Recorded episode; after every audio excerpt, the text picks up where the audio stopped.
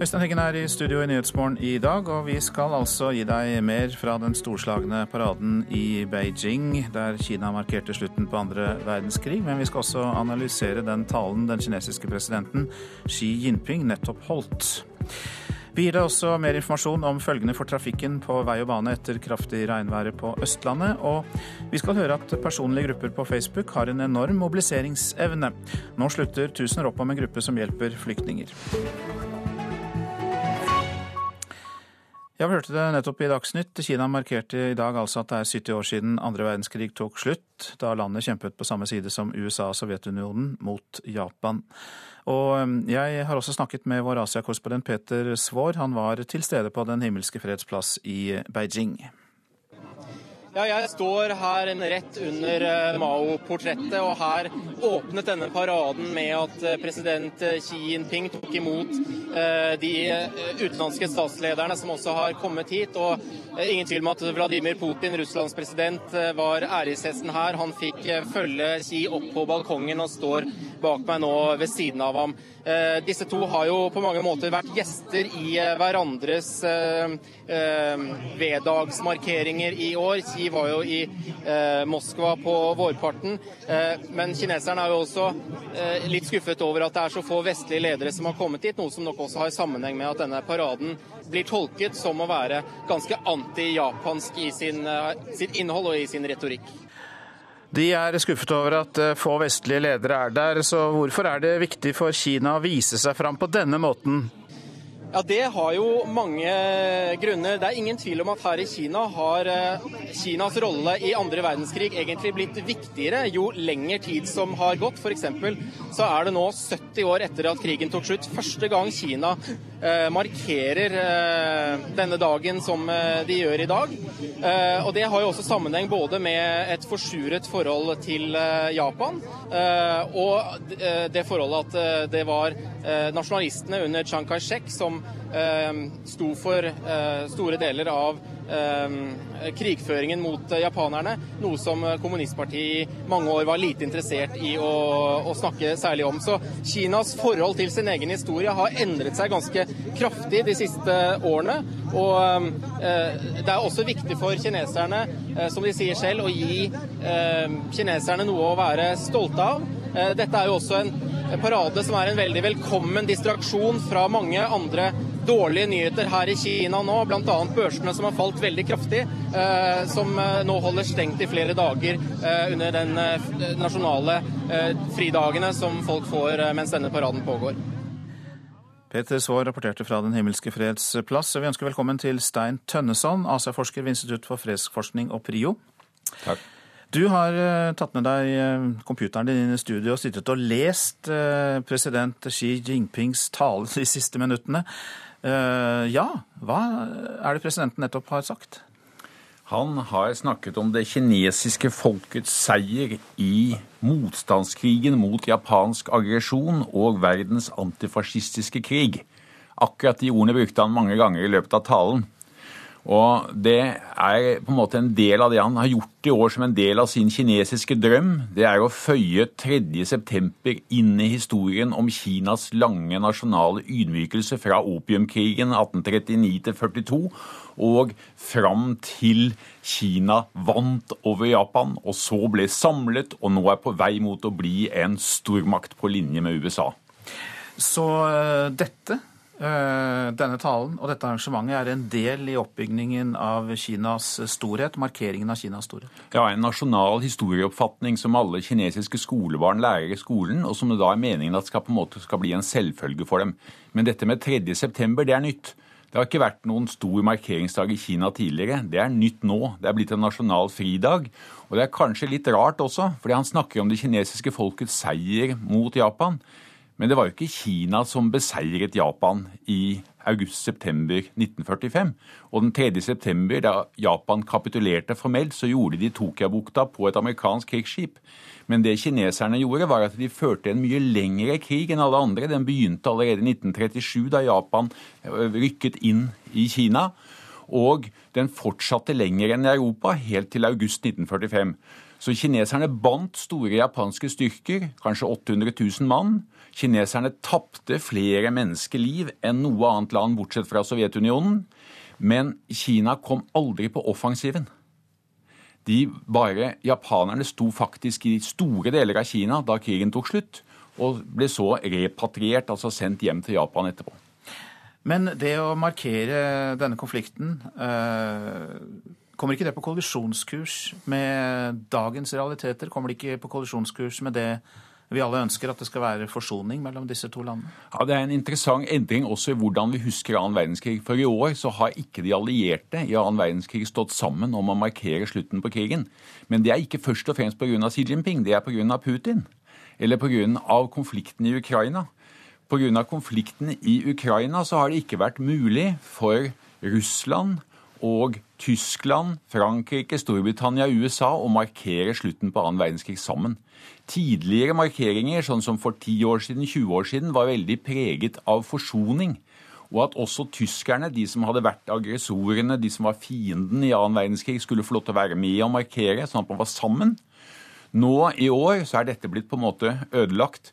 Da Putin hadde sin store markering i Moskva 9. mai, så kom ingen vestlige sterke ledere. Det var Xi Jinping som var den viktigste gjesten hos han, som Peter Svaar sa.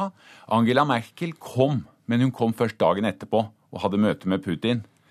Og nå så flytter de seg da til Kina. Så det vi har sett nå, er at minnet om annen verdenskrig har flyttet seg fra Europa til eh, fellesskapet mellom Russland og det gamle Sovjetunionen og Kina. Det er blitt en russisk-kinesisk affære å huske annen verdenskrig. Men eh, avslutningsvis eh, sa Jinping noe som kan tolkes eh, mer forsonende vis-à-vis Japan, eller var det bare å markere fiendtlighet? Han sa faktisk ikke veldig mye aggressivt om Japan. Han hadde denne hoved Eh, hovedordet, som er at det var altså den krigen mot japansk aggresjon. Men det som slår meg når jeg leser talen, er at han snakket veldig mye om fred. Om fred og utvikling. Og sammen med parad, militærparaden hvor de viste fram sine nyeste våpen, så valgte han å annonsere at han kutter ned størrelsen på den kinesiske hæren fra 2,3 millioner til 2 millioner mann. Det er verdens største hær, men et kutt på 300 000 er mye. Og så slapp de ut en stor mengde fredsduer som skulle fly opp mot himmelen samtidig som du hadde våpen under. Ganske paradoksalt, men likevel interessant at han legger så stor vekt på fred. Kinesisk storhet, men også da fredssignaler. Ja. Fred og internasjonalt samarbeid snakket han om. Mange takk skal du ha, Stein Tønneson, Asiaforsker ved Institutt for fredsforskning, eh, PRIO. Ja, hjem igjen til helt andre ting, nemlig jordras og regnvær. For eh, på Rjukan i Telemark har det gått et meter lang, 300 meter skal det være, langt jord- og steinras. Politi og sivilforsvar har vært i høyeste beredskap i natt. Og det er de store nedbørsmengdene som utløst raset, sier ordfører i Tinn, Steinar Bergsland. Det er bekkeløp som har tatt eh, nye veier, som man ikke har eh, kontroll på og har tatt med seg relativt store jordmasser da, som har gått en 300 meter nedover i, i lia her cirka. Altså Det er altså i et boligområde. Hvordan har det gått med folk? Nei, Det har gått veldig bra, uh, heldigvis. Uh, ingen hus eller uh, mennesker som har blitt berørt av raset. Så det er Ja, dette her er, er bare flaks, hvis det går an å si det. Ordfører i Tinn, Steinar Bergsland, til reporter Anita Moland. Og så til deg, Kari Stenhjem i NRK Trafikk. Kraftig regn har jo skapt problemer for vei og bane i Sør-Norge, som vi nå hører. Og eh, du har informasjoner om rv. 7 i Hallingdal? Ja, det stemmer. For det har gått et eh, stort eh, ras på rv. 7 som har tatt med seg hele veibanen, opplyser politiet. Det har gått ved Lindelia eller ved Gjestebråten, og det er på kommunegrensen mellom Krødsherad og Flå. Dette er jo veien mellom Gol og Hønefoss gjennom Hallingdal. Og dette får store konsekvenser for trafikken mellom Østlandet og Vestlandet. Du kan ikke kjøre over Hardangervidda, altså du kommer ikke deg til Østlandet derfra eller til Vestlandet. Det, får, det, skaper problemer for eh, veien over Hemsedalsfjellet og for veien mellom Hol og Ørland. Og Dermed så må trafikken mellom Østlandet og Vestlandet nå gå på E16 over Filefjell eller E134 over eh, Haukeli. Hvis du befinner deg skal til Hallingdal, så må du antageligvis eh, kjøre E16 til Fagernes og deretter rv. 51 over Golsfjellet. Det skal være en lokal omkjøringsvei eh, der du kan ta av fra rv. 7 og kjøre fv. 211 sørover via Sigdal, opplyser politiet. Men eh, mellom øst og vest så tar du E16 over Filefjell eller E134 over Haukeli. Her var det en del å huske på for eh, de som skal ut på veiene i dag. Det var jo mange veier som ble stengt i går. Hvordan har det gått med å utbedre skader og kanskje åpne noen av dem? Det er fortsatt en del veier som er stengt, men det er mange mindre veier. Av de viktigste så er det rv. 35 som er stengt eh, nord for Vikersund, mellom Vikersund og Trollsum. Og Der må du ta rv. 7 til Sokna i stedet og kjøre rundt ved Hamremoen. Ellers eh, er det én vei til som nettopp er stengt, eller for en times tid siden. Det er i Akershus fylkesvei fv. 382 som er stengt ved Leirsund bru i eh, Skedsmo kommune. Det er en viktig vei for de som skal kjøre mellom Lillestrøm og Gran. Du kan ikke bruke denne veien, du må i stedet bare følge E6 og rv. 22. Og de som pleier å kjøre der, de kjenner igjen det, tror jeg. Ellers så, siden i går, så er Valebøveien stengt, og Østre Akervei er stengt på østsiden av E6 ved Lørenskog stasjon. Er det noe kort og viktig å si om jernbanen?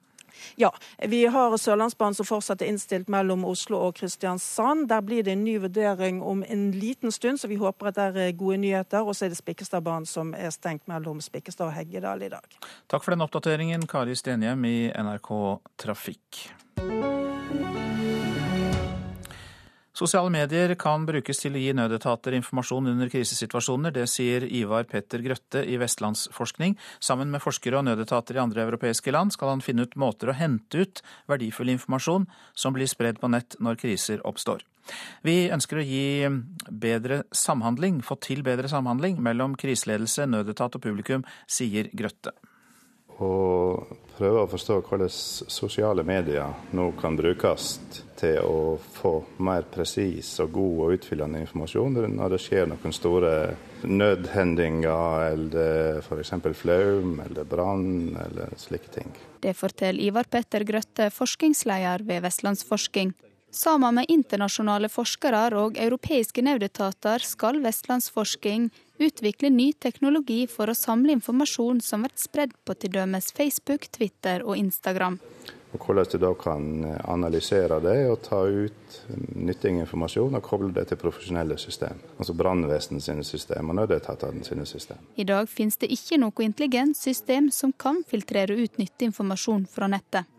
Storflaumen i oktober 2014 gjorde stor skade i bl.a. Flåm og Lærdal. Kontakt med publikum gjennom sosiale medium kunne vært viktig her. Det kan skje noe i ei sone der, der nødetatene kanskje ikke er oppmerksom på at nå skjer det. Nå bryter kanskje ei elv ut en plass. Da vil det kunne være en person som tar bilde av det og, sender det, f.eks. Fylkesberedskapssjef Håvard Stensvann tror bruken av sosiale medium kan bli viktig i framtidige krisesituasjoner. Sosiale medier er et eh, veldig viktig supplement til andre måter å informere eh, publikum. Nå er det jo helt kildeverdener. Altså, sosiale medier er én ting, profesjonelle systemer er en helt annen ting. Målet er jo å få til noe bedre. Bedre tjenester, bedre produkt. Ivar Petter Grøtte i Vestlandsforskning, reporter Stine Kyrkjebø Johansen. Så var det avisene. Norge er havnet i en dragkamp mellom USA og Russland etter at en 27 år gammel russer ble arrestert i et samarbeid mellom FBI og Kripos da han jobbet for et dataselskap i Fredrikstad. VG har snakket med russeren i fengselet, og han sier det hele er en misforståelse. USA krever mannen utlevert, mens Russland kjemper imot. FBI mener russeren har utviklet skadelig programvare brukt mot finansinstitusjoner og statlige organer. 30 personer i samme familie fikk kreft. Svaret lå i en bunke med 100 år gamle sykejournaler, skriver Aftenposten. Tre søsken på, på 1880-tallet var opphavet til en genfeil som har gått i arv i fem generasjoner. Og denne forskningen har reddet mitt liv, sier en av etterkommerne. Flere år med nedtur ruster seg til oljepris ned mot 10 dollar fatet. Investor Christian Siem har så langt tapt 5,5 milliarder kroner, og han sier til Dagens Næringsliv at han frykter en langvarig krise.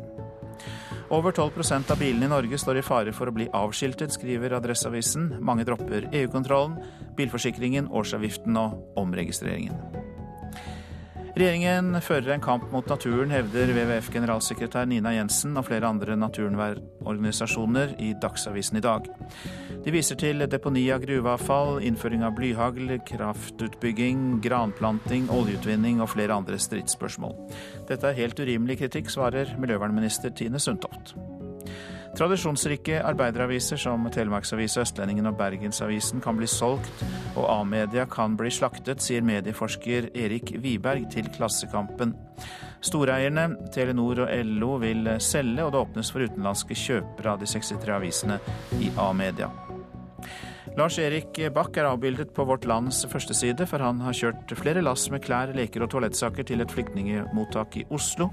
Nordmenn står i kø for å hjelpe flyktninger som kommer hit. Og mobilisering på Facebook skal vi høre mer om i denne sendingen.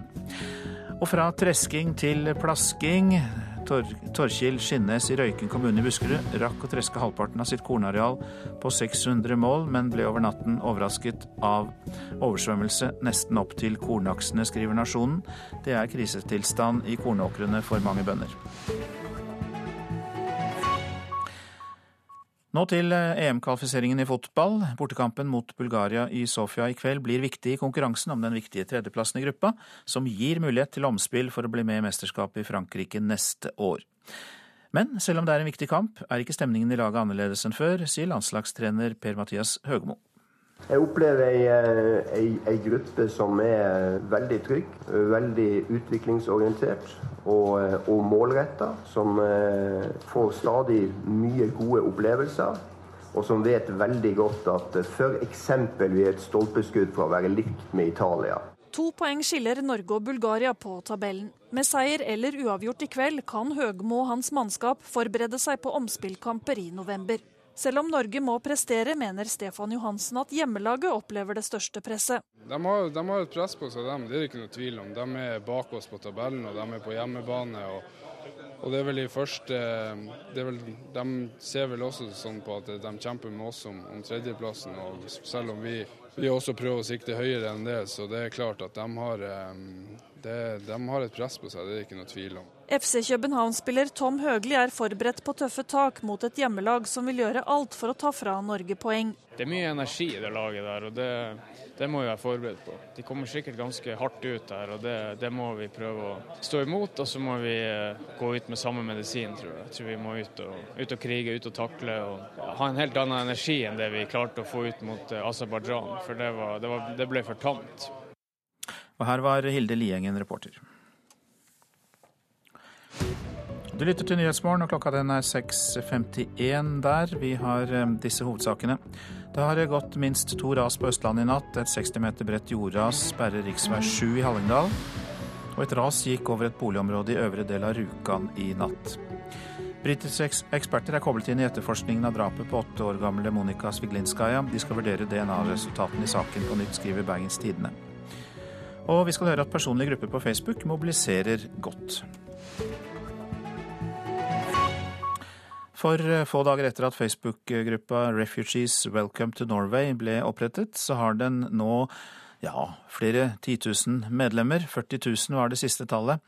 Og Facebook gjør det mulig å mobilisere hjelpen raskere enn noensinne, mener eksperter på sosiale medier, som ikke har sett noe lignende siden 22.07-terroren for fire år siden. Klær her. Ja, det får vi uansett sortere. Jeg har tatt med alt fra sommertøy til litt høsttøy, bukser, tjukke gensere, vanlig innetøy. Det er litt varme klær og noen jakker. Klær og skotøy. Utenfor Sentrum Scene i Oslo ble det samla inn sekkevis med klær i går. Folk som kommer for å levere sitt bidrag til flyktninger i nød, har én ting til felles. Sosiale medier har hjulpet meg til å finne veien hit. Nei, Det er gjennom venner på Facebook. Dessuten er jeg blitt lagt til i den gruppen. da. Sosiale medier har jo alt å si nå til dags. Så er det en Facebook-gruppe som heter Refugees Welcome to Norway, og der er det veldig mye informasjon. Engasjementet på Facebook har nærmest eksplodert den siste uka, og på Torshov transittmottak har det ført til det Norsk Folkehjelp kaller et luksusproblem. Den siste perioden har det kommet inn enorme mengder med ting fra frivillige, så det setter vi kjempestor pris på. Men nå har det kommet inn så mye at vi er nødt til å takke nei før vi får organisert oss litt videre fremover. Det kommer rett og slett inn så mye klær og leker at mottaket ikke lenger har plass, forteller fungerende mottaksleder Jorid Bertelsen, som tar oss med til et lagerrom der alt sammen deles ut til beboerne. Vi har uh, satt opp noen hyller hvor det er gensere, bukser til damer, barnesko, leker osv. Jeg tror Facebook har bidratt veldig. Det, man ser at uh, vennene gjør det, og det blir en mye enklere inngangsport for uh, for folk flest å bidra. Vi kan organisere oss selv, fordi har vi fått verktøy som gjør det mulig. Og skal man nå ut til flere tusen, må engasjementet være ekte, personlig og helst ha et ansikt, ifølge høyskolelektor ved Handelshøyskolen BI og ekspert på sosiale medier, Cecilie Staude. Så En personliggjøring av budskap, en personliggjøring av initiativ, eh, viser seg ofte og kan ha et fortrinn eh, i sosiale medier. Vi så jo noe tilsvarende eh, rundt det som skjedde skjedde 22.07 for en del år til, tilbake, at private initiativ eh, der også hadde noe av den samme effekten. Vi er ikke avhengig av tradisjonelle massemedier for å få oppmerksomhet rundt saker vi er opptatt av. Det syns jeg er fantastisk eh, å se i dette tilfellet. At det nå skulle være nærme seg 40 000 mennesker, er det jo ingen som kunne forestilt seg i det hele tatt. Det som starta som ei Facebook-gruppe for en liten vennegjeng, er nå i ferd med å spre seg og leve sitt eget liv, forteller Kari Sånum, en av de frivillige som nå koordinerer gruppa Refugee Refugees Welcome to Norway. Det har spredd seg, og nå er det visst en gruppe i Sverige som har startet opp. Eh, vi holder på å lage logo for Island. Dette her eh, vet vi faktisk ikke hvor ender. Og reporter her, det var eh, Torkil Thorsvik. Neste år kommer en ny tegneserie med barn i rollene som superhelter. Hovedpersonene kommer fra en blokkleilighet i Kristiansand. Og eh, hovedpersonen altså, han bor alene med sin ME-syke mor, og i tillegg til å være en underdog-historie, så eh, tar også serien opp noen av vår tids største utfordringer. Ja, og så har du tegnet et veldig fint nærbilde av karakteren Lillebror som et litt spesielt brødreforhold da, på, på den onde sida. Christian Landmark er kanskje mest kjent som teaterinstruktør og filmskaper. Landmark er på inspeksjon hos tegner Kenneth Iversen i Kristiansand, som snart er ferdig med å illustrere første bind av tegneserien altså Sju. Den korrupte medarbeideren der. Som får et overraskende besøk av en veldig pissed off eh, tollinspektør. Ja. Veldig bra. De siste åra er det gitt ut flere tegneserier i Norge med superhelter i hovedrollene, bl.a. Apefjes og Urban Legend. Men Sju er den første tegneserien hvor barn er superhelter, i klassisk Marvel-forstand. Jeg ville se voksne problemer løst av, barn. Det ville vi begge to, både med Aule og og det syns jeg vi har klart også. Helt siden 2008 har Landmark og kollega Ole Tellefsen jobba med historien, som nå blir levendegjort på papiret. De sju superheltene kommer fra ulike steder i verden og har alle hver sin spesielle overmenneskelige energi. Når ungdommene er 19 år, går kraften i arv til en ny tolvåring. En av energiene har kommet over på ond side. Syv tar opp temaer som sant, miljøkriminalitet eh, på absurd vis krigsprofitører, eh, kynisk legemiddelindustri. Alt dette er jo eh, fantastiske havner for de onde. ikke sant? Så det er jo klart at det ligger mye ytre samfunnskritikk og satire i det. Sier Landmark. Men på det indre nivået så er det jo klart at det er jo en underdog-historie. Reporter var Miriam Grov. Så var det værvarselet, og vi starter med Langfjella. Østlig opp i liten kuling utsatte steder der. I ettermiddag minkende vind. Regn, etter hvert overgang til enkelte regnbyger. Så fjellet i Sør-Norge unntatt Langfjella. Det blir litt regn først på dagen, seinere noe lettere skydekke og spredte regnbyger. Så var det Østlandet og Telemark. Det blir regnbyger, og lokalt kan det bli store nedbørsmengder sør for Hamar. Og det kan bli lokal torden. Agder vest for Lindesnes periodevis sørøst stiv kuling. Regnbyger kan hende med torden. Lokalt store nedbørsmengder også i Agder. Rogaland periodevis liten østlig kuling utsatte steder. Skyet eller delvis skyet. Noen regnbyger. Og eh, hvis det blir noen, så blir det mest i sør. Hordaland utrygt for enkelte regnbyger i sør, ellers stort sett pent vær. Sogn og Fjordane liten kuling ved Stad, stort sett pent vær. Møre og Romsdal, der er det stort sett pent vær, kort godt. Trøndelag først på dagen skyet i indre og sørlige strøk, og ellers pent vær. Nordland pent vær i sør, fra Salten og nordover skyet, da, og etter hvert enkelte regnbyger der. Troms fra i ettermiddag sørvest eller vestlig periodevis liten kuling på kysten. Først på dagen oppholdsvær i indre og sørlige strøk av Troms, for øvrig enkelte regnbyger. Finnmark fra seint i ettermiddag periodevis vestlig kuling på kysten i eh, vestfylket. Enkelte regnbyger i kyst- og fjordstrøk. I kveld også regnbyger på vidda. Nordensjøland på Spitsbergen, der blir det skyet eller delvis skyet oppholdsvær. Og så går vi på temperaturer, og disse ble målt klokka fem i natt. Svalbard lufthavn én grad. Kirkenes seks.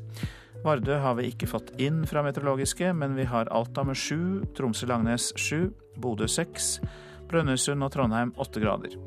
Molde 13, Bergen 15, Stavanger 14, Kristiansand-Kjevik også 14 grader. Gardermoen 10, Lillehammer 9, Røros 6 grader og Oslo-Blindern har 11 eh, grader. Og så slår vi fast at vi eh, etter eh, Dagsnytt klokka sju skal snakke om mange savnede personer i Norge, og hva som blir gjort for å finne dem. Og vi får selvfølgelig også en oppdatering når det gjelder flomsituasjonen og hvilke veier som er stengt. Så sier vi farvel til eh, våre venner i eh, P1 Pluss som har vært med oss eh, så langt, og fortsetter i Alltid nyheter og P2.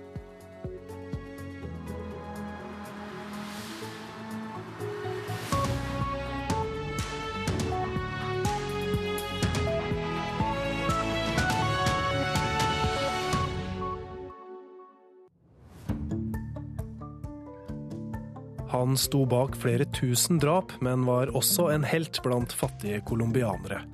Narkobaronen Pablo Escobar portretteres i den nye TV-serien Narcos. Møt en som jobbet med å få Escobar utlevert til USA i Kulturhuset klokka 13 på NRK P2.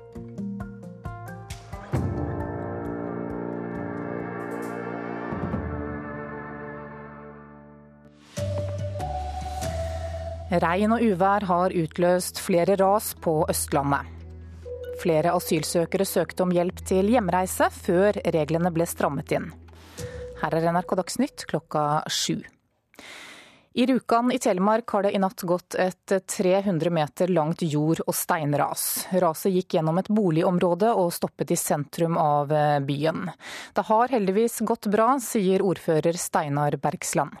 Ingen hus eller uh, mennesker har blitt uh, uh, berørt av raset. Så det er Ja, dette her er, er bare flaks, hvis det går an å si det. Ja, Det har gått et ras også på rv. 7 i Hallingdal. Og Kari Stenhjem i NRK Trafikk, hvilke konsekvenser får det? Ja, dette er et ras som får store konsekvenser både for biltrafikk og togtrafikk. Eh, Bergensbanen er nå også stengt i dette området. Og eh, for raset det har tatt med seg både deler av rv. 7 og også gjort eh, skade på jernbanelinjen. Sånn at biltrafikken mellom Østlandet og Vestlandet nå må gå på E16 over Filefjell eller på E134 over Haukelifjell nå når rv. 7 er stengt. Da kan det heller ikke gå trafikk på Hardangervidda for å komme det mellom Østlandet og Vestlandet. Helt kort, Hvilke andre konsekvenser får dette uværet for trafikanter i dag? Ja, altså, Vi har eh, en vei som er ganske viktig for folk som kjører på Romerike. Fylkesvei 382 er stengt ved Leirsund bru i Skedsmo kommune. og Det er en viktig vei for de som kjører mellom Lillestrøm og Gran, så de må velge E6 og rv. 22 i stedet. Ellers er det Sørlandsbanen som nå er åpen mellom Oslo og Kongsberg. Der det, har det vært stengt siden i går, mens det fortsatt er stengt på Sørlandsbanen mellom Kongsberg og Drangedal Arendal, men eh, der håper Jernbaneverket at eh, Sørlandsbanen kan komme i normalt gjeng igjen fra i ettermiddag. Takk skal du ha, Kari Stenhjem. Tallet på asylsøkere som søkte om hjelp til å returnere til hjemlandet økte med 30% i august, sammenlignet med august i fjor. Reglene for økonomisk støtte til hjemreise ble strammet inn 1.9, og statssekretær Gøran Kolmyr i Justisdepartementet sier hensikten med regelendringen er å få flere til å reise frivillig innen fristen. Vi har sett nå at vi har brutt en nedadgående trend. Eh, det har vært færre og færre som har søkt om frivillig retur. Vi ønsker at flest mulig skal benytte seg av frivillig retur. Eh, for et Alternativet vårt er at vi må bruke masse politiressurser på å tvangsreturnere dem. Og Da er det bedre at familien får med seg en pengesum tilbake igjen til hjemlandet. FN diskuterer nå flyktningstrømmen til Europa over Middelhavet. Ifølge Russlands utsending diskuterer Sikkerhetsrådet ulike tiltak til sjøs utenfor Libya, og det russiske forslaget kan bli vedtatt i løpet av september. NRK Dagsnytt, Anne Jetlund Hansen.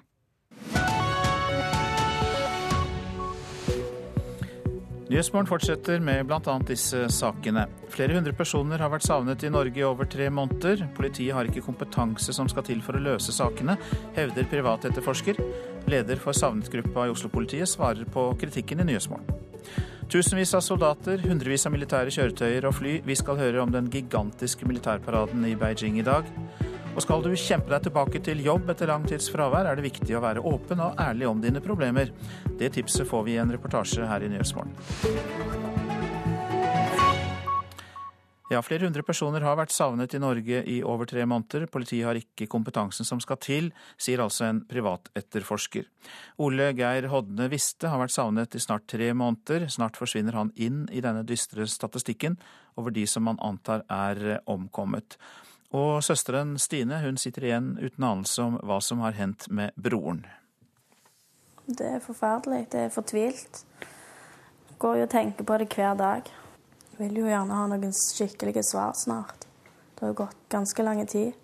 Stine Viste er desperat etter livstegn fra broren Ole Geir. 17.6 forsvant han sporløst fra Sandnes-området. Om to uker blir han en del av en dyster statistikk hos Kripos, kalt Saknet-registeret. Der havner alle de som har vært meldt savnet i mer enn tre måneder. Siden 1995 er 554 mennesker oppført. Det antas at flere av disse er omkommet. Jeg tenker det kan være to ting. Enten at han er død, eller at han kan ha gjemt seg. Ola Tune er privatetterforsker og har over 20 års fartstid i både politiet og Kripos. Selv om mange saker blir oppklart, ser han et stort problem de gangene politiet står uten klare spor. Der har jeg dessverre erfaring med at eh, det gjøres altfor lite. Hvorfor det? Mangel på eh, kompetanse eller forståelse for hva man skal gjøre i denne situasjonen, og eller at man tror at man ikke har ressurser. Ifølge politiet vanket Ole Geir i et rusmiljø, og nettopp det kan gjøre at politiet legger saken litt på hylla, ifølge Tune. Jeg har inntrykk av at det, fra konkrete saker at det blir om ikke nedprioritert, så blir det ikke prioritert så høyt som om det vil være en fra et alminnelig samfunnslag. Men det stemmer ikke, sier Kjetil Andersen, politistasjonssjef i Sandnes. Han nekter for at rusmisbrukere blir nedprioritert hos politiet. Nei, det gjør det ikke. Engasjementet er der hele tida. Det er mange gjøremål som vi har fulgt opp. Alt ikke like synlig. Men det er en del tips som vi har måttet følge opp. Og alt det vi har fått inn av navn og mulige kunnskaper, de som har mulig kunnskap rundt dette, har vi fulgt opp. Tune frykter et stort mørketall i Kripos sitt Saknet-register. Flere av dem kan være drept, tror han.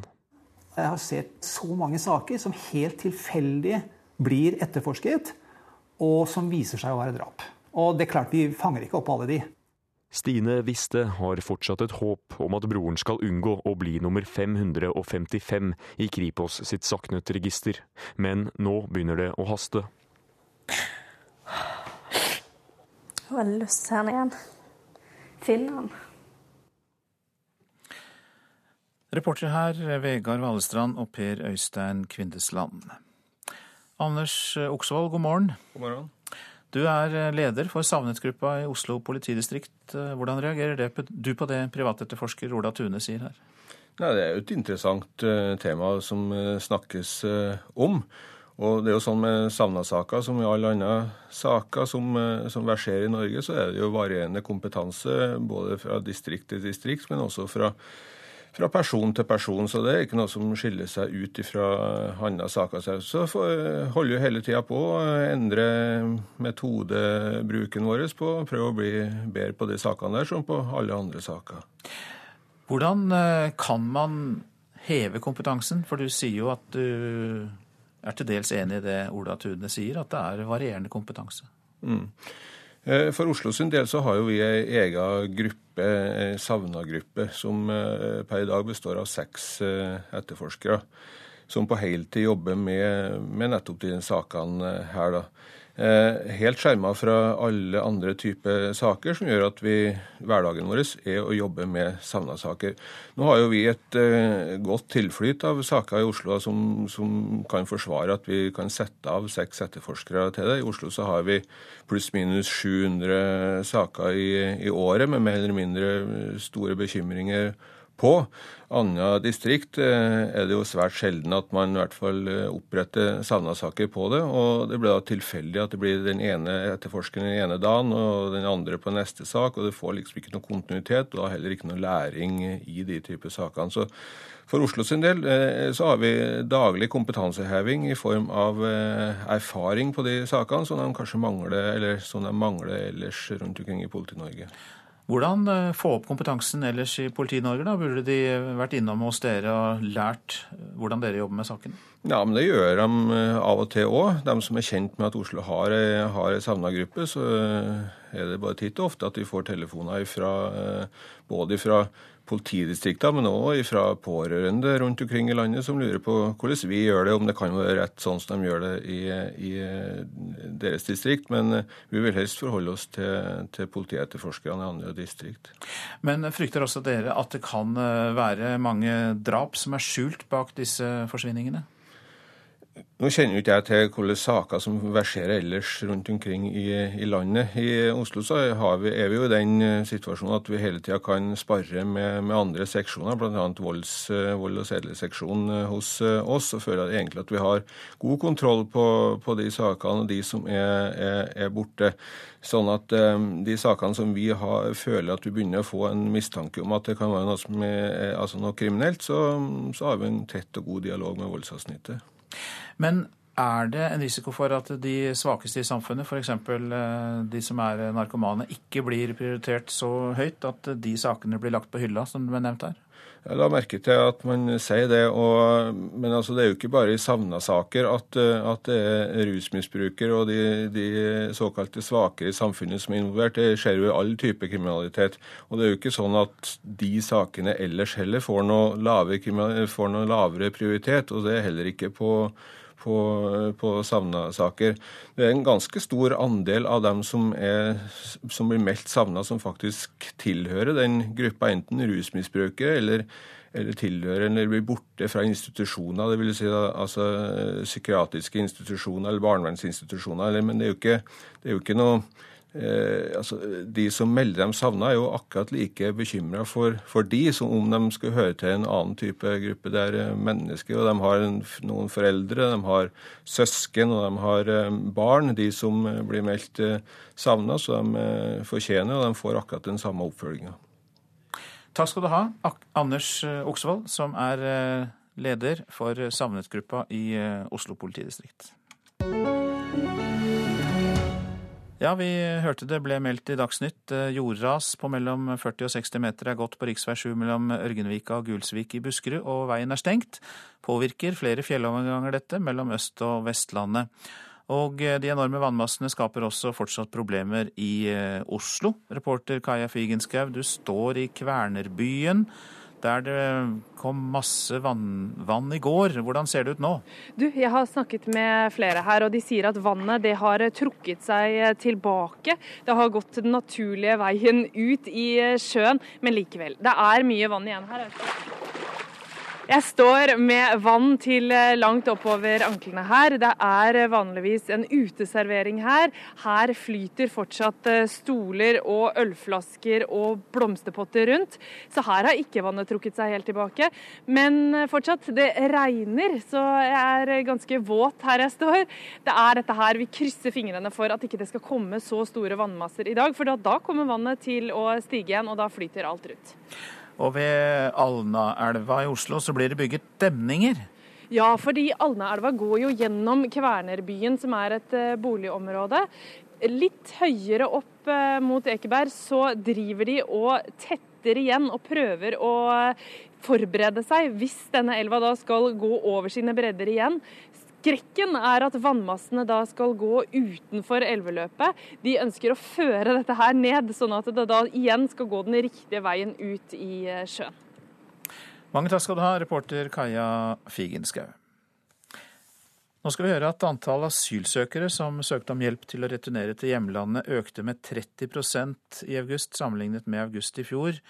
Det er slik at reglene for økonomisk støtte ble strammet inn 1.9, og Utlendingsdirektoratet lanserte i den forbindelse en informasjonskampanje. Og leder av returenheten i Utlendingsdirektoratet, Katinka Hartmann, sier kampanjen ser ut til å ha hatt effekt. Det siste året har andelen assisterte returer sunket, og vi ser at den trenden snudde nå med da endringene ble gjort kjent, og særlig da slutten av august. Asylsøkere med endelig avslag på opphold i Norge får normalt en frist på rundt tre uker på å forlate landet. I den forbindelse kan de søke om økonomisk støtte til å reise hjem og starte på nytt, såkalt assistert retur. Fra 1.9 ble reglene strammet inn, særlig for dem som søker etter at de formelt skulle ha vært ute av Norge. Hovedessensen i det er at det skal være større forskjell i hva du kan få i returstøtte hvis du søker før du har en utreisefrist, enn hvis du søker etter at utreisefristen din er løpt ut.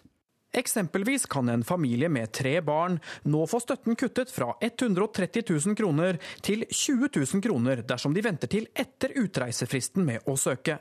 Det var Justisdepartementet som endret reglene, og statssekretær Gøran Kalmyr håper nå flere med avslag på opphold i Norge vil reise frivillig. Vi har sett nå at vi har brutt en nedadgående trend. Eh, det har vært færre og færre som har søkt om frivillig retur. Vi ønsker jo at flest mulig skal benytte seg av frivillig retur. Eh, for et Alternativet vårt er at vi må bruke masse politiressurser på å tvangsreturnere dem. Og Da er det bedre at familien får med seg en pengesum tilbake igjen til hjemlandet. Generalsekretær i Norsk organisasjon for asylsøkere, Ann Margrit Austenå, mener det i utgangspunktet er bra at flere får med seg økonomisk støtte på hjemreisen. Men hun sier det er et problem at mange ikke forstår at de har fått endelig avslag, før utreisefristen har løpt ut. De kommer aldri i gang med en erkjennelsesprosess om at det faktisk er ikke er noen muligheter videre for dem i Norge før den fristen har gått ut. Og med da en avkorting, så vil de da heller ikke etter fristen ha noen muligheter for å få noe økonomi med seg. Og har de da satt seg i gjeld, eller opplever at familien de returnerer til står i gjeld pga. deres reise, så er det vanskelig for dem å returnere. Reporter Halvard Norum. Klokka har nettopp passert kvart over sju. Dette er hovedsaker. Flere hundre personer har vært savnet i Norge i over tre år. Politiet har ikke kompetansen som skal til for å løse sakene, sier privatetterforsker. Antallet asylsøkere som ønsker å returnere til hjemlandet har økt med 30% det siste året, som vi hørte nettopp. Og det har gått minst to ras på Østlandet i natt. Et bredt jordras sperrer rv. 7 i Hallingdal, og et ras gikk over et boligområde i øvre del av Rjukan i natt. Konflikten i Midtøsten har fratatt over 13 millioner barn mulighet til å gå på skole, viser en ny FN-rapport. Håpet til en hel generasjon forsvinner, advarer FN. Det har vært flere angrep mot skoler. Mer enn 8800 skoler i seks land er ubrukelige pga. krigshandlinger. Barn tas hånd om av Røde Kors i en flyktningleir i Makedonia. Of, uh, Antallet kvinner og barn som har flyktet fra krig og vold i hjemlandet, har blitt tredoblet de siste månedene. Det forteller Kristoff Bolirak, talsperson for Unicef, til nyhetsbyrået Reuters. En ny rapport fra FN-organisasjonen viser at over 13 millioner barn er fratatt muligheten til å gå på skole pga. konfliktene i Midtøsten. FN advarer om at håpet for en hel generasjon vaskes bort om barna ikke får returnere til skolebenken. Nok en bombe har gått av i Syria. Unicef har dokumentert 214 angrep mot skoler i Syria, Irak, Libya, Sudan, Jemen og Palestina. Men særlig Syria er hardt rammet, og Unicef sier at skolene i landet betaler en massiv pris for fire og et halvt år med kamper. Én av fire skoler er stengt siden konflikten brøt ut. Over to millioner barn har måttet slutte på skolen.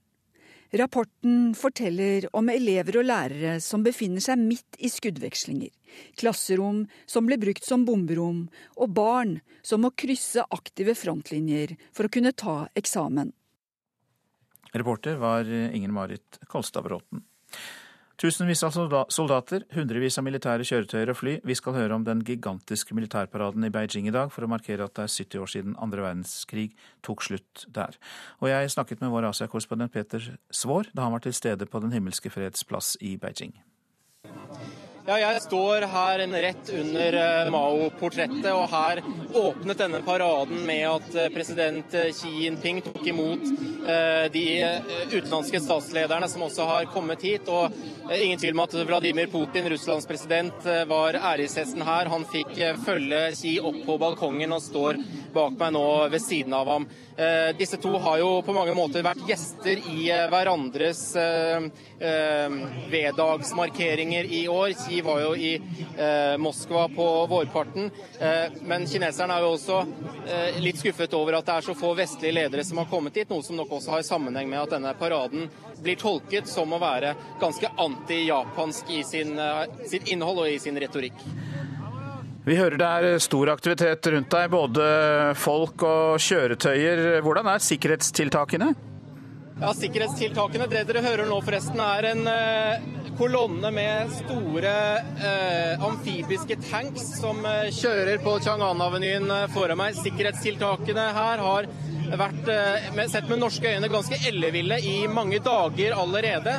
Beijing ble delvis stengt ned allerede for to dager siden. I går ettermiddag var det nesten umulig å bevege seg i sentrum. Og vi som bor i nærheten av denne avenyen hvor paraden eh, holdes nå. Vi eh, har fått beskjed om at vi eh, ikke kunne se ut av vinduene, ikke kunne stå på balkongen. Noen har fått beskjed om at man ikke kan bruke gasskomfyr eller røyke på sengen. Og det er også et strengt forbud mot bl.a. å slippe brevduer her i Beijing nå, som de statlige avisene her har skrevet mye om. Så sett med norske øyne så er det veldig store sikkerhetstiltak som virker som sagt litt elleville. Hva sier kinesere flest til dette? Ja, det er ikke vanskelig her i Kina å røre i eh, anti-japanske følelser. og uh, Kineserne er, eh, de jeg har snakket med, i hvert fall sier at de er veldig stolte av dette. og De minner også om at uh, da Kina kjempet i andre verdenskrig, var landet ganske svakt militært. og Det man nå viser med denne paraden 70 år senere, er jo hvordan Kina både økonomisk og militært nå har reist seg og blitt en virkelig stormakt med et moderne forsvar. Og Man er også opptatt av hvordan f.eks. over 80 av våpnene som nå skal vises fram her i dag, er både nye, de har ikke blitt vist fram før, og de er egenproduserte. Så eh, for kinesernes del så er dette noe mange føler, at, føler en stor nasjonal stolthet rundt. Asia-korrespondent Peter Svaar, og fra han til tidligere Asia-korrespondent eh, Kjersti Strømmen, velkommen til deg. Takk. Dagens feiring innebærer altså en markering av Japans nederlag også, og hvor betent er forholdet mellom de to landene? Iallfall så betent at statsminister Shinzo Abe ikke har tenkt å komme til denne markeringen. Og eh, han har jo skyldt på at det er ting på hjemmebane som gjør at han ikke kommer. Men eh, det er jo ingen tvil om at Japan er sentral i denne markeringen, og det liker Japan dårlig. Japan ønsker å legge denne fortiden bak seg og fremstå som den fredelige nasjonen de har ønsket å være siden 1945, mens eh, Kina da stadig ønsker å rippe opp i dette. Det er viktig for, for Kina å vise til at eh, Japan fremdeles er en stor fare. Det gjelder jo mest å vise kineseren dette da, fra de kinesiske styresmaktene sin side, sånn at man konsentrerer seg innad eh, om en, en, eh, felles styrke mot den eh, fienden utad. Men, men, Japan fremstår jo ikke i verden som en, en stor fare. Det er eh, åpenbart ett signal som kineserne vil gi med dagens uh, store parade. Gigantiske parade, kan vi vel si. Hvilke andre signaler? Med Japan, tenker du? Nei, jeg tenkte generelt at hvilke signaler kineserne vil gi i tillegg til dette med Japan? Ja, De ønsker jo å vise at de er en eh, stor militær eh, makt og en stor økonomisk makt. Og en må huske det at eh, Kina har hatt en veldig veldig sterk fortid. Det er kanskje ikke så lett for oss å huske i den tiden vi har sett Kina som et svakere utviklingsland. Men for Kina er dette sosiale minnet om at de har vært en stormakt med masse asiatiske undersåtter. Selv om de ikke har regjert direkte over dem, så har de jo hatt alle disse landene som har kowtower til til eh, Kina både kulturelt og økonomisk og på alle andre måter. Og at de nå eh, som nasjon ønsker å vise at eh, vi er tilbake. Vi har en veldig viktig posisjon i verden, og det har vi tenkt å vise. Takk skal du ha, tidligere Asia-korrespondent Kjersti Strømmen. Så skal jeg ta meg av avisene. I hvert fall skal jeg fortelle hva de er opptatt av. Norge er havnet i en dragkamp mellom USA og Russland etter at en 27 år gammel russer ble arrestert i et samarbeid med FBI og Kripos da han jobbet for et dataselskap i Fredrikstad. VG har snakket med russeren i fengselet, og han sier det hele er en misforståelse. USA krever mannen utlevert, mens Russland kjemper imot. FBI mener russeren har utviklet skadelig programvare brukt mot finansinstitusjoner og statlige organer i mange land. 30 personer i samme familie fikk kreft. Svaret lå i en bunke med 100 år gamle sykejournaler, skriver Aftenposten. Tre søsken på 1880-tallet eh, var opphavet til en genfeil som har gått i arv i fem generasjoner. Og denne forskningen har reddet mitt liv, sier en av etterkommerne. Flere år med nedtur ruster seg til oljepris ned mot 10 dollar fatet. Investor Christian Siem har så langt tapt 5,5 milliarder kroner, og han sier til Dagens Næringsliv at han frykter en langvarig krise. Over 12% av bilene i Norge står i fare for å bli avskiltet, skriver Adresseavisen. Mange dropper EU-kontrollen, bilforsikringen, årsavgiften og omregistreringsavgiften. Regjeringen fører en kamp mot naturen, hevder WWFs generalsekretær Nina Jensen og flere andre naturvernorganisasjoner i Dagsavisen. De viser til deponi av gruveavfall, innføring av blyhagl, kraftutbygging og granplanting, oljeutvinning og flere andre stridsspørsmål. Helt urimelig kritikk, det sier miljøvernminister Tine Sundtoft. Tradisjonsrike arbeideraviser som Telemarksavisa, Østlendingen og Bergensavisen kan bli solgt, og A-media kan bli slaktet, sier medieforsker Erik Wiberg til Klassekampen. Storeierne Telenor og LO vil selge, og det åpnes for utenlandske kjøpere av de 63 avisene. Nå til en bedrift i Stokke i Vestfold, for vi skal høre hvor viktig det er å være åpen om egne svakheter når man forsøker å komme tilbake i jobb. Arbeidsgiver Petter Nordnes sier at den tidligere uføretrygdede Ole Jørgen Holand er et godt eksempel på slik åpenhet, og for Holand fortalte nemlig om sine problemer. Akkurat det her har jeg ikke gjort før. Altså det er noe Kåre ba meg gjøre i stad. Det er ganske enkelt. Så stabler de opp på pallen. Når Ole Jørgen Holand stabler varer på plass på delelageret hos Scania på Borgeskogen i Stokke, gjør han det han lenger ønsket å gjøre. Han jobber etter en lang periode som uføretrygdet. Ja, klart Det er akkurat som å sitte på en reservebenk og se alle andre spillere og bare sitter der og skulle, skulle kunne være med. ikke sant? Og etter hvert får jeg være innbytter en stund. Det er som jeg har det på Bring, men nå jeg plutselig komme så å si med på, på hovedlaget. For halvannet år siden var situasjonen en helt annen. Jeg føler meg bare litt unyttig og tilsidesatt. 48-åringen ble uføretrygdet i midten av 20-årene pga. hyppige epilepsianfall. Etter en operasjon ble han kvitt anfallene, men nå hadde han store problemer med å få seg jobb. Holand kontaktet mer enn 40 mulige arbeidsgivere, men fikk ikke napp hos noen. Jeg skal klare, jeg har bestemt meg for jeg skal ikke gi opp, for da får jeg iallfall ikke noe. Jeg kommer ingen her. Og i år løsnet det. Flere av bedriftene han tidligere kontaktet, hadde plutselig mulighet og lyst til å ansette ham for kortere perioder. At han selv tok personlig kontakt, er mye av årsaken til at han nå jobber for Skania Borgeskogen, sier distriktssjef Petter Nordnes. Det er hans eh, initiativ og evne til å egentlig prate for seg, eh, fortelle om eh, hvor interessert han er i bilyrke og lastebil. Eh, som har gjort at man har blitt litt nysgjerrig på han, og se hvor dyktig er han, hvor dyktig kan han bli. Eh, hadde det kommet igjennom et eh, system hvor vi hadde enten blitt henvendt av kun en rådgiver eller en person som ikke er den som skulle komme hit, så hadde vi nok mest sannsynlig sagt nei. Holand er åpen om at han trenger tilrettelegging og har utfordringer med å gjøre en del oppgaver. Jeg syns alle kunne være åpne og ikke kan frykte å kunne fortelle hvordan saker og ting er. for Da, da er folk lettere å forstå det. for folk skal, er jo som regel veldig empatiske og prøver å forstå det. Hvis han hadde gått ut og latet som om han var, eh, kunne takle alle utfordringer med en gang, så hadde det blitt avdekka etter hvert han ikke hadde klart det, og da hadde situasjonen blitt annerledes. Da hadde vi følt at han hadde gjort en dårlig jobb. Nå er vi klar over det, og det han mestrer, anser vi som da en bra jobb isteden. Så det er, det er, veldig positivt. Og Kjempeviktig å komme ut med at ikke det skal bli en overraskelse halvveis i en uh, prosess, men at vi får greie på det fra starten av. Foreløpig jobber Holand på tre måneder lange kontrakter, og Nav betaler deler av lønnen gjennom arbeidsformidlingsbedriften Phoenix. Både Holand og arbeidsgiveren håper han blir i jobbene hos Scania. Foreløpig så ser det her veldig bra ut. Det gjør det. Så vi håper å kunne ha en lang tid, og kan hende det blir en fast ansettelse på sikt. Det er mulig. Det er noe som gir en glede. Det å kunne være til nytte for andre og kunne se at andre er fornøyd med det. Og reporter her, det var eh, Henrik Bø.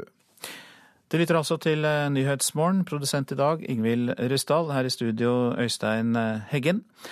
Og vi legger til at hvis du har tips eller kommentarer, så går det an å sende en e-post til adressen 03030 krøllalfa nrk.no, altså 03030 krøllalfa nrk.no.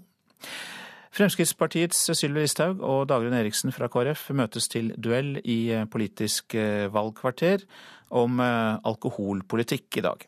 Skolepolitikk blir også tema i Politisk valgkvarter, og den sendingen starter rett etter Dagsnytt klokka 7.40.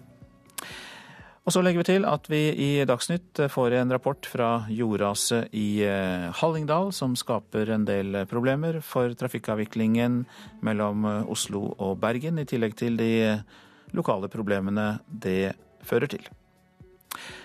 Vi minner også om nettstedet radio.nrk.no, der du kan høre alle NRKs radiokanaler og eh, laste ned programmer, altså radio.nrk.no.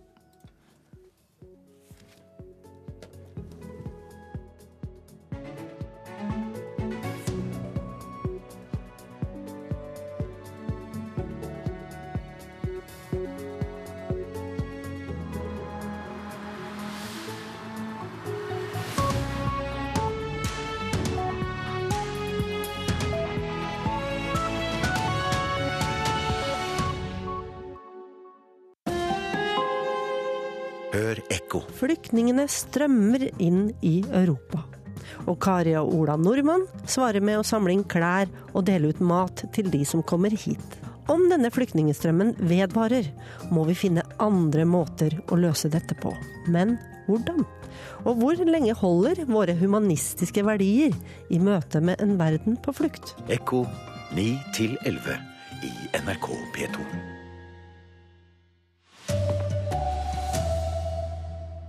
Politiet har ikke god nok kompetanse til å finne savnede personer, mener privatetterforsker. Uværet i Sør-Norge fortsetter. Jordmasser sperrer nå en av hovedveiene mellom Øst- og Vestlandet. Og en hjelpegruppe på Facebook for flyktninger har fått over 40 000 medlemmer på få dager. Her er NRK Dagsnytt klokka 7.30. Flere hundre personer her i landet har vært savnet i mer enn tre måneder. Privatetterforsker Ola Tune mener politiet ikke har kompetansen som skal til for å løse flere av disse sakene. Ole Geir Hodne Viste ble meldt savnet i juni, og søsteren Stine aner ikke hva som har skjedd med ham. Det er forferdelig. Det er fortvilt. Går jo og tenker på det hver dag. Vil jo gjerne ha noen skikkelige svar snart. Det har gått ganske lang tid. Stine Viste er desperat etter livstegn fra broren Ole Geir. 17.6 forsvant han sporløst fra Sandnes-området. Om to uker blir han en del av en dyster statistikk hos Kripos, kalt Saknet-registeret. Der havner alle de som har vært meldt savnet i mer enn tre måneder. Siden 1995 er 554 mennesker oppført. Det antas at flere av disse er omkommet. Jeg tenker det kan være to ting. Enten at han er død, eller at han kan ha gjemt seg. Ola Tune er privatetterforsker og har over 20 års fartstid i både politiet og Kripos. Selv om mange saker blir oppklart, ser han et stort problem de gangene politiet står uten klare spor. Der har jeg dessverre erfaring med at eh, det gjøres altfor lite. Hvorfor det? Mangel på eh, kompetanse eller forståelse for hva man skal gjøre i denne situasjonen, og eller at man tror at man ikke har ressurser. Politistasjonssjef i Sandnes, Kjetil Andersen, sier imidlertid at de har gjort alt de kan for å løse forsvinningssaken. Det er mange gjøremål som vi har fulgt opp. Og alt det vi har fått inn av navn, og de som har mulig kunnskap rundt dette, har vi fulgt opp. Stine Viste har fortsatt et håp om at broren skal unngå å bli nummer 555 i Kripos sitt Saknet-register, men nå begynner det å haste. Jeg har veldig lyst til å se ham igjen. Finne han. Reportere her var eh, Vegard Valestrand og Per Øystein eh, Kvinnesland. Og Anders eh, Oksvold leder savnet-gruppa i Oslo politidistrikt. Han innrømmer at det er varierende kompetanse i disse savnet-sakene. Og det er jo sånn med savna-saker som i alle andre saker som, som verserer i Norge, så er det jo varierende kompetanse både fra distrikt til distrikt, men også fra fra person til person, så det er ikke noe som skiller seg ut fra andre saker. Så holder vi hele tida på å endre metodebruken vår på å prøve å bli bedre på de sakene der, som på alle andre saker. Store mengder eh, regn det siste døgnet har eh, ført til både flom og ras. Og et stort ras i Hallingdal får nå store konsekvenser for biltrafikken og togtrafikken mellom Oslo og Bergen. Halve veibanen på rv. 7 er rett og slett eh, borte, og et annet ras gikk over et boligområde i øvre deler av Rjukan i Telemark i natt. Det er eh, sluk uh, og en bekkeløp som har tatt eh, nye veier. Så det er et ras på som har gått en 300 meter nedover i, i lia her ca. Store nedbørsmengder utløste raset, som gikk over et boligområde i Rjukan ca. klokken tre i natt, forteller ordfører i Tinn, Steinar Bergsland. Han er lettet over at ingen ble skadet. Ingen hus eller mennesker har blitt Eh, berørt av raset. Så det er eh, Ja, dette her er, er bare flaks, hvis det går an å si det. På rv. 7 i Buskerud har det gått et ras i Hallingdal mellom Ørgenvika og Gullsvik. Raset er mellom 40 og 60 meter bredt og sperrer både riksveien og Bergensbanen. I går kveld ble flomvarselet oppjustert til oransje for tre nye fylker. Oslo, Akershus og sørlige deler av Oppland. Ved Kvernedalen i Oslo har brannvesenet i morgentimene jobbet med å lede vannmassene bort fra hus og kjellere, forteller vaktkommandør i Oslo brann- og redningsetat Morten Haglund. Når vannstanden økte, så iverksatte vi Sivilforsvaret og, og lagde noen eh, demninger og litt masse for å unngå at eh, vannet skulle spre seg for langt der nede. Da. Det er feil å si at vi har kontroll, for det er helt avhengig av uh, hvordan vannmassene fortsetter uh, i løpet av dagen, egentlig. Men uh, akkurat for øyeblikket og siste utviklingen er jo at vannet avtar lite grann. Reporter var Martin eh, Holvik. Det har også gått et stort jordras mellom Ørgenvika og Gulsvik i Buskerud. Veien er helt stengt og påvirker flere fjelloverganger mellom Øst- og Vestlandet, og også Bergensbanen er stengt nå. Reporter Anette Skafjell, du er nettopp kommet frem. Hvordan ser det ut? Jeg står nå et par kilometer fra Ørgenvika på rv. 7, og jeg står og ser på et eh, bredt belte her av jord, leire og trær som går over veien. Og det har gravd seg inn, så her er asfalt ødelagt, og det har rast ut i eh, krøderen. Dere hører sikkert også nå helikoptre. Det er eh, politihelikoptre som har kommet fra Oslo, som er ute med varmesøkende kamera. De er ute for å forsikre seg om at det ikke ligger noen eh, i raset. Politiet har fått beskjed om at eh, ingen har vært vitne til raset, men de fikk melding klokka fem. Så de er rett og slett ute nå for å forsikre seg om at ingen eh, har blitt tatt med ut i fjorden her. Ja, Hva skjer videre utover dagen nå? Nå har Statens vegvesen kommet hit. De vil se på hva slags arbeider de kan gjøre for å få ryddet veien. Vi venter på geoteknikere for å se om man kan forvente ytterligere ras. Det er eh, store vannmengder som har eh, gravd seg i åsen her og ut i fjorden, så man må også sikre og se om det kan være fare for nye ras. Ellers er veien stengt. Og sånn som det ser ut akkurat nå, så tror jeg nok at Rv. 7 opp mot Hallingdal vil være stengt ut dagen i dag. Takk skal du ha. Dersom du skal ut og kjøre bil mellom Bergen og Oslo, så må du nå kjøre E16 over Filefjell eller E134 over Haukelifjell. Det er også mulig å ta fv. 40 fra Geilo gjennom Numedal. Og Bergensbanen er altså også stengt pga. det store raset. Da skal vi til Kina.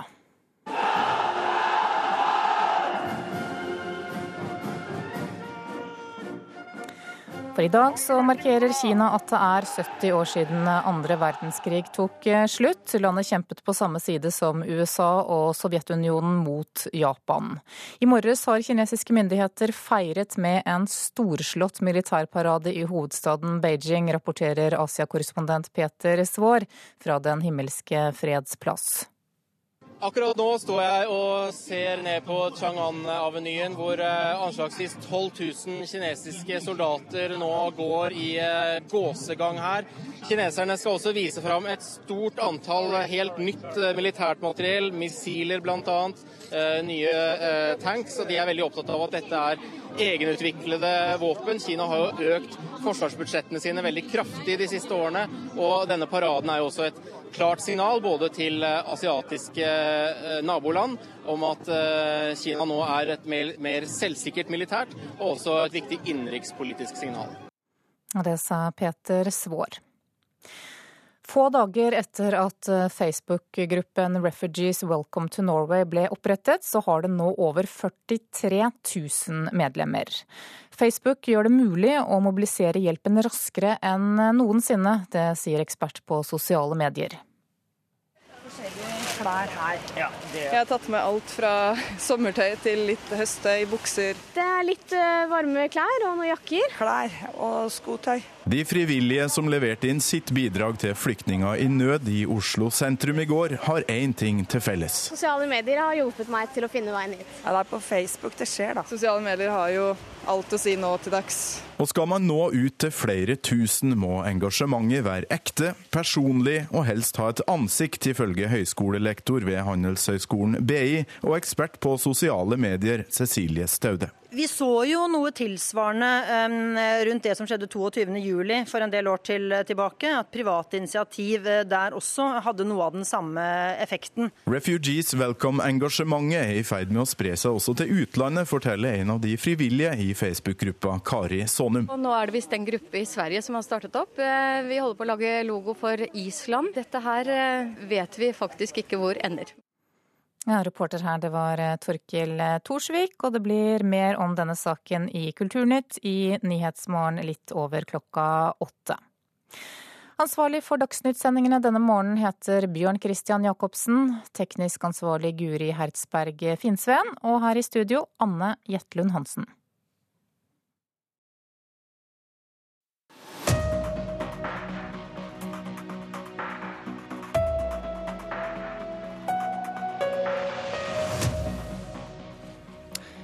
Regjeringen myker opp alkoholpolitikken igjen og må tåle harde ord fra KrF.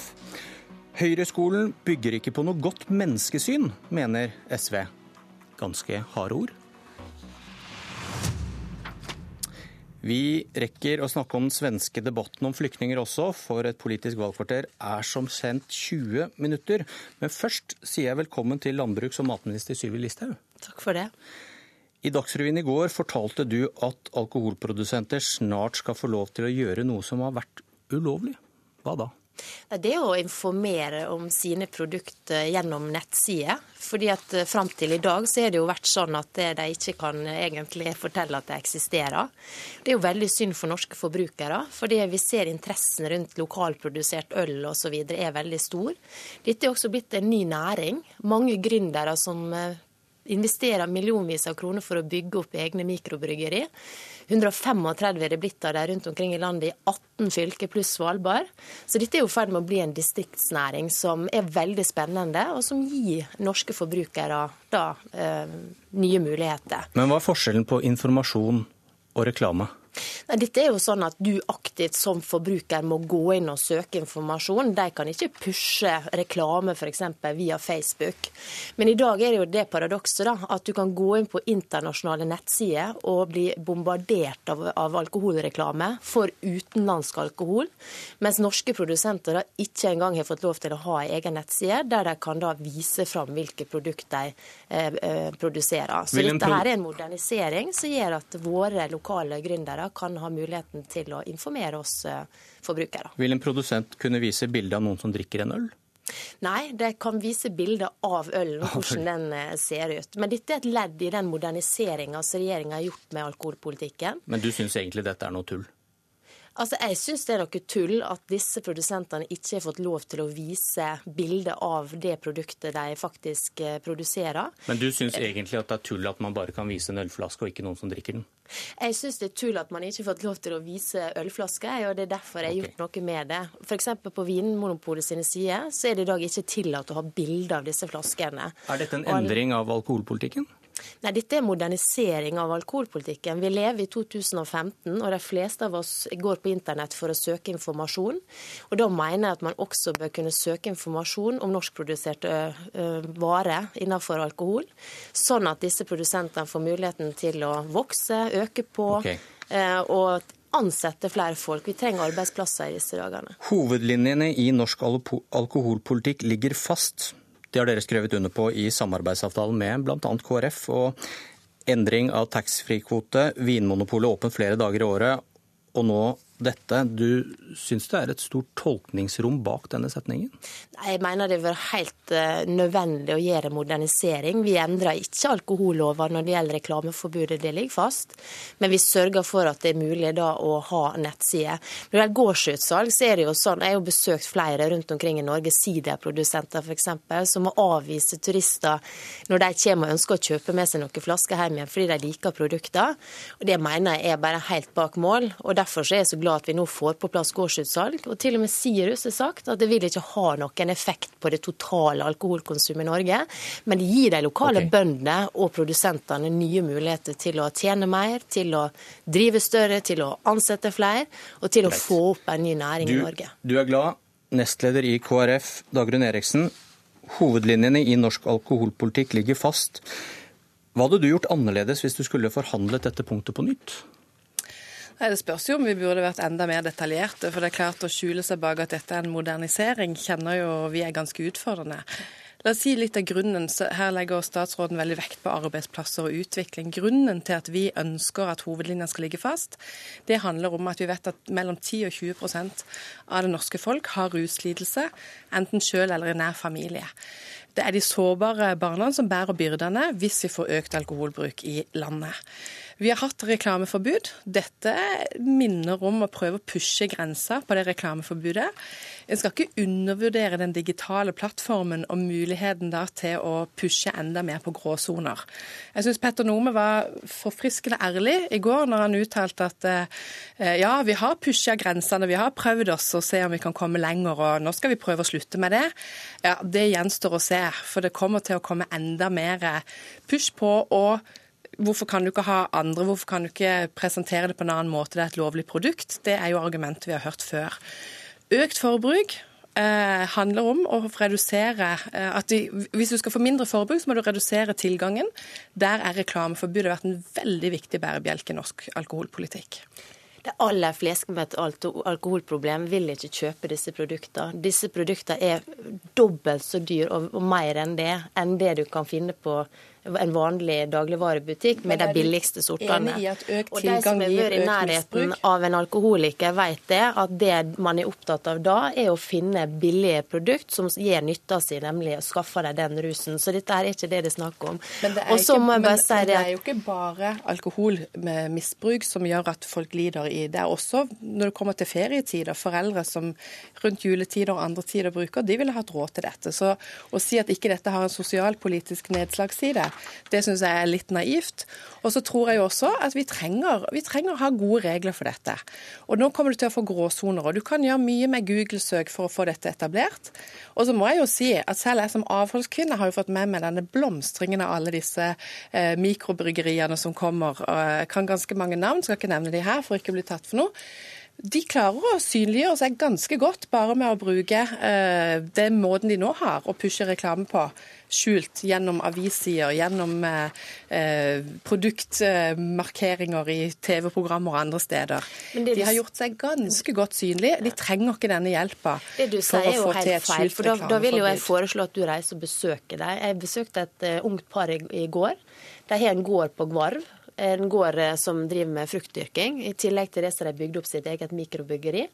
Nå er begge to eh, hjemme på gården og jobber. Den ene med bryggeriet, og den andre da med omvisning og smaks lag og alt mulig sånt som da de har ved siden av. Dette her er med på å skape arbeidsplasser i distriktene, og jeg mener det er utrolig viktig. Og så er jeg helt uenig i at dette vil ha noe stor effekt på det totale alkoholkonsumet.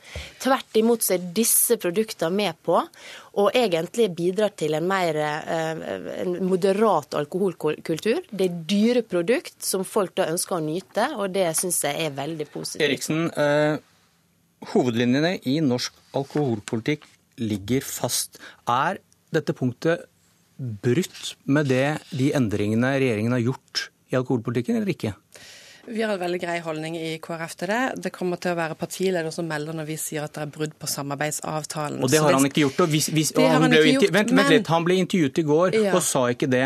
Og da er vi vel tilbake til at det er deres eget skyld at det står én setning der som kan tolkes at det var dere som ikke gjorde jobben i Nydalen? For så kan jo regjeringen gjøre dette her, da. Dette kommer til å være samtaler mellom oss og partiene, fordi at dette er ikke den store saken som alene vipper om hovedlinjen ligger fast.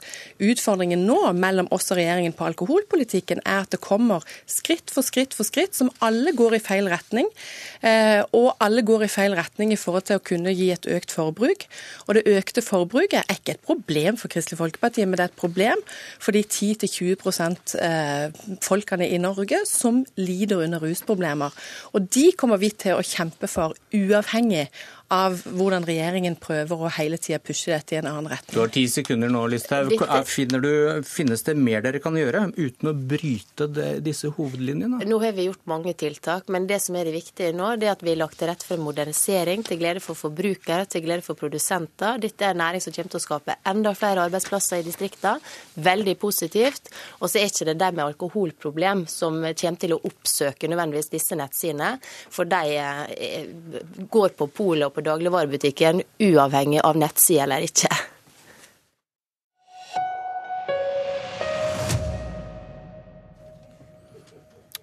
To stykker ut, to stykker straks inne. Benjamin Endre Larsen, leder i Oslo SV.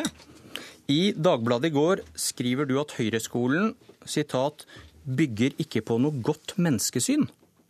Hva slags menneskesyn er dette? Det er iallfall et eh, menneskesyn som legger til grunn at man må ha belønning for å lære noe eller å gjøre den viktigste jobben vi har i skolen.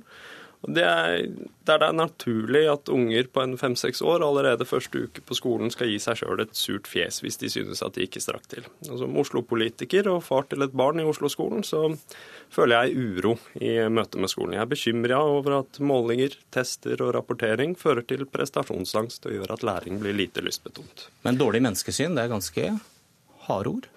Altså, som sagt, Det er iallfall ikke et menneskesyn som legger til grunn at eh, indre motivasjon teller. Kristin Vinje, fungerende skolebyråd i Oslo. Hva sier du? Ja, jeg syns også det er veldig harde ord, og det er jo fullstendig misforståelse av vår skolepolitikk. Vi legger jo vår skolepolitikk til grunn at elevene skal lære mer, at de skal trives på skolen, og at vi skal løfte alle de elevene som sliter aller mest. Og det viser vi jo at vi klarer. I Oslo-skolen så klarer vi å få landets beste resultater, samtidig som vi klarer å sørge for sosial mobilitet blant de elevene som sliter aller mest. Og vi har elever som trives, det ser vi gjennom elevundersøkelser. Så det å si at uh, vi har et uh, menneskesyn som ikke ligner noen ting i skolepolitikken, for syns jeg er helt absurd påstand. Men det, det, er, det, er en, det, er, en, tanke om at mennesker responderer på eh, å bli testet og prestere? Det er veldig viktig for barn å få god tilbakemelding, og det er det som ligger til grunn i vår skolepolitikk. At vi skal klare å få god dialog mellom lærer og elev. Og alle elever trenger tilbakemeldinger for å kunne vite hvordan de skal lære mer. Og Det er det som ligger til grunn. Og Vi har ikke noe testhysteri eller det som han eh, snakker om.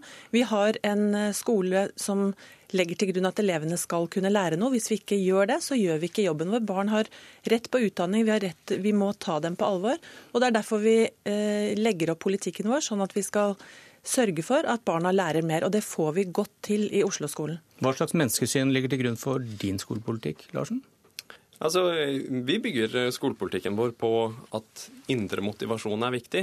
Eh, og En del av de kartleggingene og prøvene som Vinje snakker om, de eh, vil vi beholde. Vi vil ta bort de eh, spesifikke Oslo-prøvene, det er fem stykker. Og så vil vi gjøre fire valgfrie, fire kartleggingsprøver som Utdanningsdirektoratet tilbyr, valgfrie, sånn at det er opp til skolen om de, kan, om de skal bruke dem eller ikke. Men det viktigste grepet vi vil gjøre, det er å ta bort eh, disse prøvene som en del av eh, styringssystemet i Oslo-skolen. For det er altså sånn at eh, rektor får lønn basert på hvordan skolen presterer.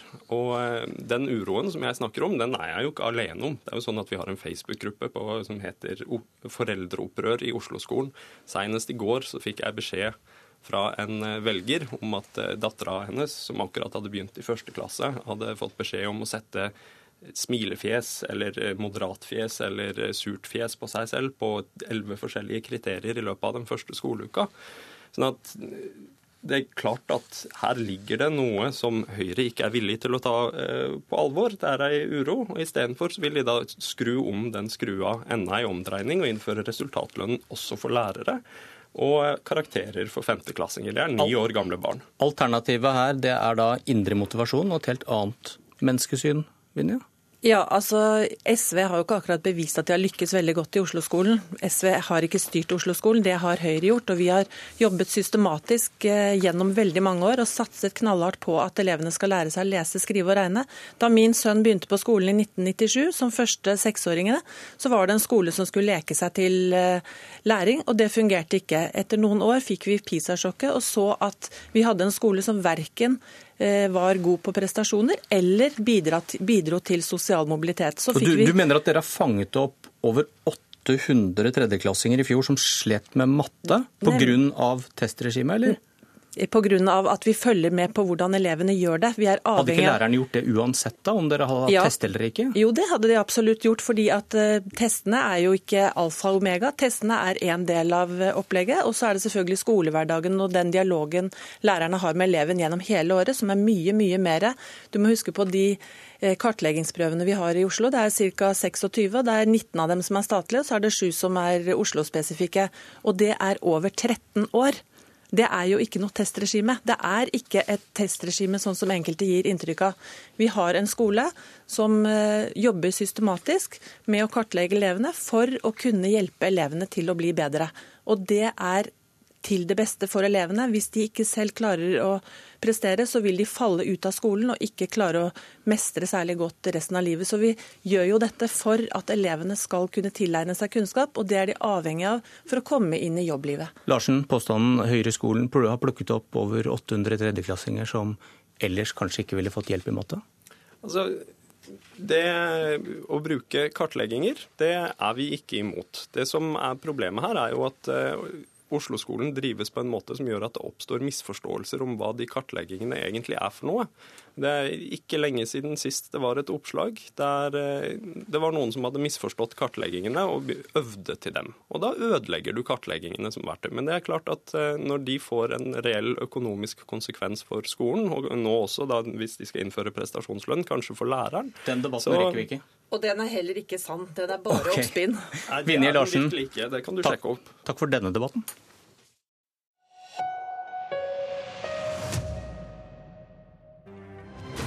Parti efter parti vil skjerpe innvandringspolitikken. Hva gjør regjeringen? Migrasjonsminister Morgan Johansson. Dette er fra programmet Agenda på svensk TV. Og hva gjør den sosialdemokratiske regjeringen med flyktningkrisen? Migrasjonsministeren svarte med å invitere til en løsning på tvers av partiblokkene. Jeg skal si at min dør eh, står åpen. For som sagt, eh, det her er en, en en ödesfråga for Europa og det er en ødesfråge også for för Sverige. Men kommer du eh, bjuda in de andra partierna? Är det det du, du säger nu? Ja, om jag, om jag ser att det finns ett, ett intresse, ett riktigt, ett riktigt intresse för att sätta sig ner till, på, och förhandla om det här, då kommer jag att, att bjuda in dem så, så fort det bara går, självklart. Men vad skulle Moderaterna och Socialdemokraterna kunna komma överens om då? då? Som sagt, jag kan inte sitta och, och förhandla i, i, i, i media, det gör jag inte. Nei. Men Johansson fikk klart svar på sin invitasjon. Politisk kommentator Magnus Takvam, hva var svaret? Det var nei fra uh, alliansen eller Moderaternes leder. Uh, hun sa at sosialdemokratene og regjeringen først må bestemme seg for hva de uh, går inn for på dette området. Så de så ikke noen grunn til å ha noen samtaler nå. Ja, Hvorfor ble han avvist av Batra? En måte å se det på er at eh, som alle har fått med seg, så, så presser Sverigedemokraternes eh, eh voldsomme oppslutningsvekst, vekst i, i støtte i Sverige, hele det politiske systemet. Og i starten, ved valget sist, var det særlig Moderatene som mistet uh, veldig mange velgere til, uh, til Sverigedemokraterna. Etter det har de nå uh, justert innvandringspolitikken sin og Eh, for å kunne fange opp og møte denne skal vi si, eh, trusselen fra Sverigedemokraterna. Og da vil de ikke liksom, eh, at sosialdemokratene bare skal kunne hoppe på den, den linjen. Så de vil presse sosialdemokratene, som jo er splittet internt, og som har allierte i regjering, Miljøpartiet og støttepartier som Venstrepartiet, som drar i en helt annen retning. Og det er derfor de søker et bredere forlik? Ja, det går an å altså, Som sagt så, så er eh, sosialdemokratene jo tradisjonelt har de nå hatt en liberal linje, men det er sterke krefter i, internt i sosialdemokratiet, særlig de som sogner til LO-fløyen i sosialdemokratiet, som også merker nå at de mister velgere til Sverigedemokraterna, som vil ha en innstramming. Og For å gå utenom Miljøpartiet, eh, så er det lettere å få til en bred overenskomst over blokkene med Moderatene, men som sagt, det, der ble de avvist. Sverigedemokraterna, en eh, ting. Hvordan påvirker denne krisen vi hører om hver dag nå i Middelhavet, eh, debattklimaet i Sverige? Nei, det, er, det har uh, skjedd en endring siden det, den forrige regjeringens periode. Uh, mange husker kanskje Fredrik Reinfeldt, statsministerens uh, uttalelser om å åpne våre hjerter. Reinfeldt bekreftet at han personlig står for denne linjen fremdeles denne uken han ga ut en bok. Her har de, de, de, de svenske partiene endret kursen etter det. Politisk kommentator Magnus Takvam, takk for at du kom. Politisk valgkvarter er tilbake i morgen rett etter Dagsnytt, ti over halv åtte. Jeg heter Bjørn Myklebust.